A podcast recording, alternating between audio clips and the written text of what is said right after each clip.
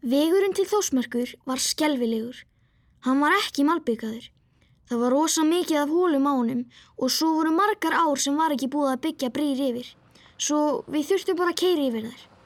Sem betur fer voru við á stórum jeppa. Það var byrjað að dimma þegar húsin komu loksins í ljós. Jónas sagði að þau getu básar. Bak við þau var þjættur byrkiskóður. Það var snjóri yfir öllu. Ljósinn úr glöggunum voru falleg og það kom mér að segja reykur upp úr skostinunum. Þetta leit út eins og jólakort.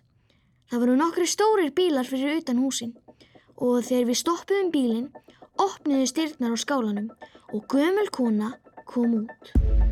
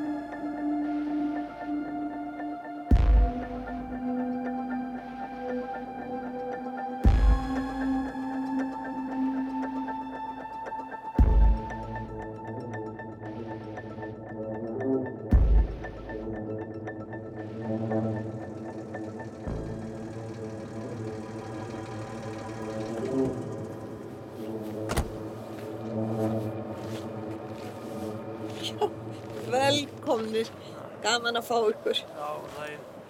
Og köttur, Ha, hamingja hjálpur mér. Gangið inn, já, takk. eru þið ekki svangir? Sko maturinn er ekki fyrir en eftir 20 myndur en ég er alveg vissum að ég geti fengið smá beita núna.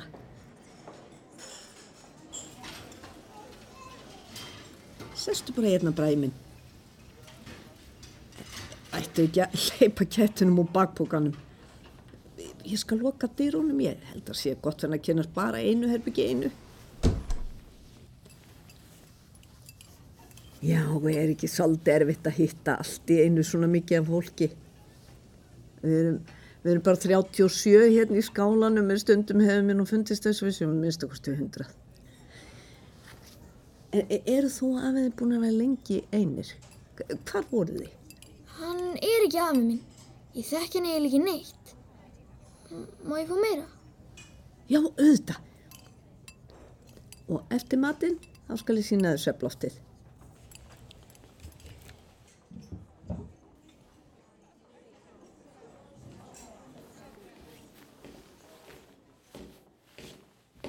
Vá, þetta er svo stórt. Já, þetta spannar allt húsið. Við erum svolítið gamalt en dýnurnar eru þægilegar, það getur satt þér. Heldur að fara ekki bara ágætlu um því hérna. Jú, jú. Sko, ég sef hérna undir glugganum og uh, viltu kannski vera hjá mér? Það er dýna við hliðina og í laus. Já. Flottir. Ég vona bara ég sjóti ekki á hátt. ég skal finna sveppbóka fyrir þig. Og, og eitthvað född til skiptana. Takk. Leið heil dagur og heil nótt. Og pappi, Katla og Guðmundur komu ekki aftur.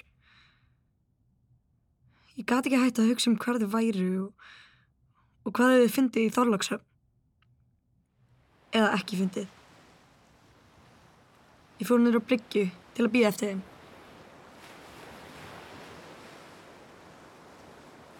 Hæ, Hæ, þið komum aftur Bergljót. er það? Já, Þú veist það ekki. nei, kannski ekki. En ég held það. Þú veist að Guðmundur er reyndast í sjómaðurinn í eigum. Já, Magna sagði mér það. En ég held að veri kannski bara því hann er pappinar, þú veist. Bara hún að segja það. Nei, það er satt. Hann hefur unnið fyrir pappa í mörg ár. Pappi segir þetta líka. Hvað, og pappiðin kannski allan kvótan? Það er ekkert að því að að eiga kóta. Það eru bara þessir lattið lifjandi lopa treflarinn í Reykjavík sem er að tala illum alla uppbyggingu. Ég er frá Reykjavík. Þetta er ekkur latið. Nei. Gott. Ég ætla að flytja til Reykjavíkur haust. Svo skrítið að hugsa til þess. Hvað ætlaði þér að gera? Far ég að mér. Hann læra kannski að drekka latið. Mamma og pappi eiga íbúið á laugusvegi. Ég ætlaði að búa í henni. Ég ætlaði líka í MR. Í álfuru? Já, fyndið. Kannski hefðu við hist þar. Í MR. E ef allt þetta hefði ekki gæst. Kannski.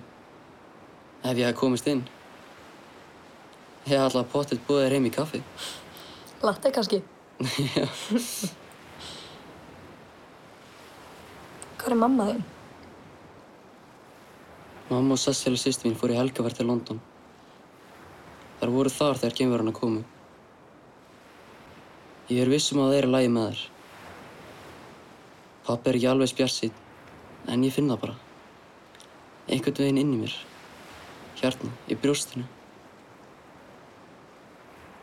En mamma þín? Ég veit það ekki. Hún var í Reykjavík. Við fundum hann ekki. Ég finn ekki neitt í brjóstinu. Hei, sjáðu. Það er bátur. Þetta eru þau. Þau...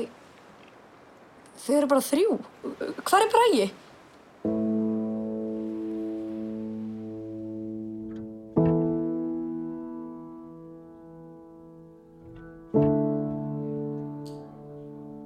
Hérna bræsestu, ég skal sækja graut handa þér það. Alltaf grautur í morgumat hérna. Drekkur ekki kaffe það nokkuð? Nei, Nei, held ekki. Heyrðu, ég kemur rétt bráðum, sestu bara hérna, ég hann og Jónasi. Sætlinur, hvernig sástu? bara vel. Og þið verða að byrja þessa glugga. Hvað er eiginlega að ykkur? Þið getið alveg eins verið með ljósa skilti sem vísa gemurinu beinustu leið hingað. Þetta eru fínustu uh, lendingarljós fyrir þær. Og þú veist allt um geimururna gamlu minna eða hvað? Ég sé allt og ekki allt. Ég veit allavega meira en þið. Og hvað heitir þú? Agnar, en getur þú sagt mér eitt? Ég get nú sagt þér fleiri en það, góðu minn. Getur þú sagt mér hvernig maður drepur þær? Drepur þær. Maður drepur þær ekkert. Ertu galinn, drengur? Það hlýtur að vera hægt, valla eru þær ódöðlegar. Það veist þú bara ekkert um. Hvers vegna geta þær ekki verið ódöðlegar? Þetta er æva forn kynstofn. Hann hefur verið lengur við líði en allt mannkynnið. Það er hægt að drepa allt ef maður veit hvað maður er að gera og hefur réttu vopni. Mm, Og hvað heldur þú að við höfum upp á krafsinu ef við reynum að drepa gemirurnar agnar? Þetta er ekki sangjant stríð, drengur minn. Við erum lömpin og þær eru úlfarnir.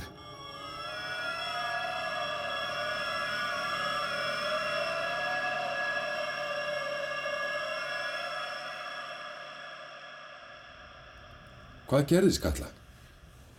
Siglingin gekk vel. Við vorum komin til Þorlóksafnar og með tíma og við fórum í land og þá sáum við spór í snjónum eftir að minnst okkurstu þrjá fullotna. Þannig að það var einhver á lífi í bænum. Greinilega. Spórin voru nokkra daga gömul en ekki síðan fyrir innrásina og við fórum í matfurubúðin í vonum að finna einhvern. Og þar hafi greinilega verið rótað en þar var enginn. Við leituðum eins og við gátum og þegar það fór að byrta fórum við aftur í bátinn. En við höfðum greinilega ekki leitað nógu vel því það var fólk þarna. Við sáum þau þegar gemururna komu. Ég eh, vaknaði við eitthvað í dagrenningu. Fyrst held ég að mér hefði bara verið að dreyma. Ég var alveg að festa svepp þegar ég heyrði það aftur. Ég kíkt út um glukkan á bátnum, en ég sá ekki neitt. Ég vakti Þórberg og Köllu og, og þar sem við höfðum ekki hugmyndum Hvað gekk á ákvað við að ég skildi ræsa bátinn og, og þau skildi fara í land og kanna málið. Við heldum að þetta væri kannski brægi. Við heldum að hann væri kannski komin og væri að kalla á okkur. Við ákvaðum að fara inn í bæin og kanna málið. Við sáum það strax og við komum inn í bæin. Geimverurnar. Ég veit ekki hvað þær voru nákvæmlega margar en þær voru margar. Og þær voru með fólkið. Minnst okkar sti fimm manns. Og eitt þeirra öskraði eins og vittlisingur. Hvað voru þær að gera við þau? Ég veit það ekki. Þær voru búin að sapna þeim saman eins og til að flytja þau eitthvað. Eins og til aftöku. Þannig að við snýrum við og fórum aftur í bátinn. Og við syldum hingað. En hvernig vitið að þær hafa ekki allt ykkur hingað? Kristbjörn, ég fór mjög varlega. Eins varlega og ég gat. En hvernig vitum við að það sé nóg? Við vitum ekkert hvaða tæknið þær hafa. Kanski settu þær sendi á skipið? Hvað áttu þau að gera, Kristbjörg? Fara sjálf vilju til geimverana? Fórna sér síðan svo þau eru hugsanlega ekki eldingað? Hvað hefði þú gert í þeirra spórum? Þau beittu öllum mögulegum varúðar Hann ástöðum. hefur samt rétt fyrir sér, við vitum það ekki. Því þó við höfum ekki fundið braga þá komst við samt að þessu. Það eru fleiri eftirlifundur á landinu og gembururnar eru ekki farnar. Ég myndi giska á að það sé að fara aðra umferði við landið og smala saman þeim sem sluppu í fyrsta áhlaupi. Og við verðum að gera ráð fyrir því að það komi aftur engað. Þá er spurningin, hvað ætlum við að gera í því og hvað gerum við ef það er eitra aftur? Ég uh, þarf að segja ykkur svo litið. Ég er með svo litið sem getur hjálpað með eitrið ef að þær koma aftur. Hvað? En uh, þið verðið að trista mér. Hvað áttu við? Ég er með mótefni, held ég. Býtu, býtu, hvað ert að tala um aður? Þú getur ekki bara verið að veifa hérna einhverjum sprautum. Hvað ert að segja? Ég vissi að þær myndu koma. Ég, uh, ég hjálpaði til við að skipulegja það. Þetta byrjaði þegar ég var í námi í Bandaríkjónum. Eitt prófessorinn sem síndi mér sérstakann áhuga, hann sagði mér að hann hefði fylst með rannsóknum mínum og litist mjög vel á. Og hann spurði hvort ég hefði áhuga á að taka þátt í leynilegu verkefni. Ávinningurinn er því gríðalegur. Tækni sem engan óraði fyrir. Hann sagði að ég geti tekið þátt í að breyta heiminum. Auðvitað sagði ég já. Ég held að þetta væri eitthvað fyrir herin. Allir peningarnir eru þar. Og ég held að það væri ástæðan fyrir því að hann vildi ekki segja mér neitt meira. Ég fekk ekki að vita neitt um verkefni sjálft fyrir en að ég á búin að skrifa undir ógnalangan samning um að ég mætti ekki ræða vinnu mína við neitt. Kanski hefði það átt að ringa einhverju viðvörunabjöllum en bandaríkjumenn eru svo fáránlega nájaðir út af engalefum og hrættur við innjósnir. Ég held að þetta væri bara standard. En ég fekk eiginlega ekki að vita neitt um verkefnið eftir ég var búin að skrifa undir heldur. Ég vissi ekki eins og fyrir hverja ég vann. Ég veit það ekki ennþá. Ég var að vinna að nýri tækni sem ég skil varla sjálfur. En það vantaði eitthvað. Eitt bita í púslið. Okkur var sagt að hann kemi síðar og kostaði sitt. Við vissum að eitthvað átti eftir að gerast. Við vissum bara ekki nákvæmlega hvar eða hvenar. Það er skrítið hvað er auðvelt að læra að spyrja ekki spurninga. Þegar þau sögðu að ég þyrfti að fá bólusetningu þá samþykti ég það. En ég náði að nappa nokkrum glösum því mér langaði að vita hvað var í þeim. Ég var bara einn í fríi, hjælt ég. Ég var einmitt upp í háskóla, býð eftir að hitta vinn minn, hann er efnafræðingur. Ég var með bóluefnið, ég ætlaði að láta hann aðtuga það hvort það væri einhvers virði. Ég fekk skilabóð bara nokkrum mínútum fyrir árásina. Þar var gefið upp heimilisvang og mér var sagt að mæta þangað. En þegar ég fór út og sá hvað var að gerast, hvernig allir voru að deyja, þá panikaði ég. Ég sendi mömmu SMS og fór svo heim og faldi mig. Og vasaljósin. Þau eru vinnufélaga mínir. Þú þekktir þau sem komu á litlu kaffestofuna. Þú þekktir þau. Þess vegna skaustu. Það er rétt, ég þekkti þau. Og þau voru hvort þið er dauð. Heldur þú virkilega að þeim er leift að lifa? Eftir allt sem þau hafa séð, allt sem þau hafa gert? Heiðar, ert að segja að þú hafi vitað að þær væri að koma? Að þetta hafi verið skipulagt? Allt þetta fólk? Já. En ég hafði ekki hugmyndum að það erði Ísland, mamma. Ég sverða. Ég vissi ekki að ég myndi þurfa að horfa upp á... upp á... Heiðar! Ég vissi ekki að þetta erðu svona margir. Ég held að það erðu kannski nokkur hundru manns. Eitt torp í Afríku sem engin myndi sakna e- eða einhver lítil kyrra ásegja. Ég á við að ég vissi ekki að það erði Ísland. Ég hafði ekki hugmyndum það. Og þetta nær hátt, upp í toppa. Kanski var einhver í stjórnkjörunni hér sem tók þátt í þessu. Það er ábyggilega fullt af fólki, háttsettu fólki í fullt af löndum að vinna mjög öðuru að því akkurat núna að samfæra alþjóðasamfélagið um að hér geysi einhver pláa. Það er eina skýringin á því að engi sé komin sem meikar sens. Það er ábyggilega búið að borga færustu sérfræðingum og spönameisturum fyrir að búa til samfærandi sögu sem heldur fólki í burtu. Og þá þýðir ekki að hafa neina eftirlifundur til frásagnar um neitt. Það er mjög ólíklegt að þið hérna í eigum séð ónæm. Ef gemururnar koma aftur núna, þá degiði. Nema að ég fá að sprauta bólefnin í ykkur. Það verður engu bóluefni sprautað í mig eða mín börn. Þú hefur viðkend að hafa starfað með djöflinum sjálfum og þú færð ekki að sprauta neinu djöfla eitri í okkur. Krakkar, komiði.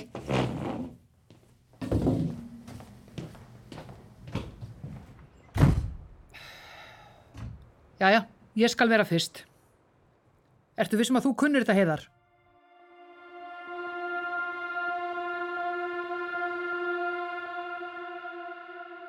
En Jónas, af hverju farið ekki bara strax? Og má ég koma með? Nei, vinnu minn, við þurfum að undirbúa okkur, taka með okkur vistir, mat, bensín, vatn. En, en, ég... Bræði minn, þetta er betra svona. Sofía, komdu aðeins. Bræði, þetta er hún Sofía og hún ætlar aðeins að sína þér um svæðið, að ekki? Hæ, jú.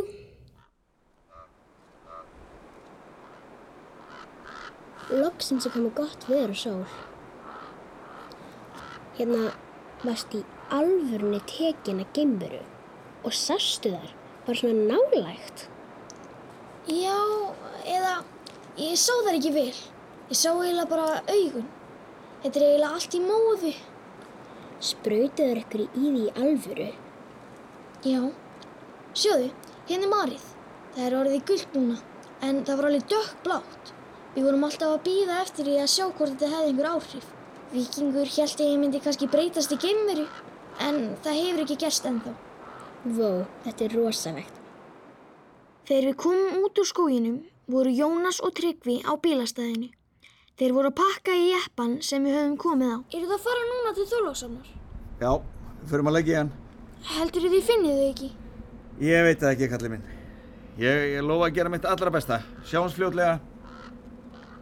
Ef við ekki komið inn, Bræði, við getum fara að spila, svo fyrir bara að koma hátegismatur. Ég vaknaði við hljóð.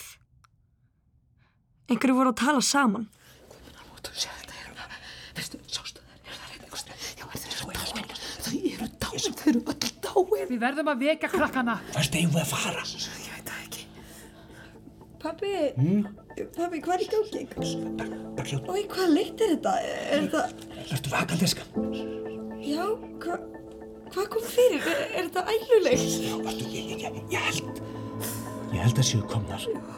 Það hljóta hafa eitrað. Kristbjörg og börnin eru dáin. Ha, hva, hvað er það að gera?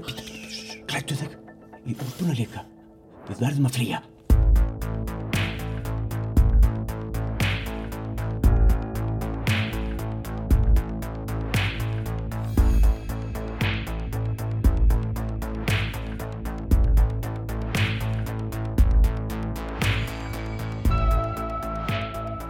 Fluttur var sjötti þáttur framhalsleikritsins Vetrarfrí eftir Hildi Knútsdóttur. Bergljót, Gríma Valsdóttir. Brægi, Óttar Kjerúl Þorvarðarsson. Birna, Edda Björgvinsdóttir. Þórbergur, Valur Freyr Einarsson. Heiðar, Sveinn Ólafur Gunnarsson. Katla, Solveig Arnarsdóttir. Guðmundur, Pálmi Gesson. Hólmfríður, Ólafía Hrönn Jónsdóttir, Kristbjörg, Dóra Jóhannsdóttir, Sofía, María Karitas Káradóttir, Víkingur, Eggert Þorleifsson, Agnar, Guðjón Davíð Karlsson, Sæmi, Lukas Emil Jóhansen, Jónas, Björn Ingi Hilmarsson, Tónlist, Úlfur Eldjár, Hljóðvinnsla, Gísli Kjaran Kristjánsson, leikstjóri Sigurjón Kjartansson.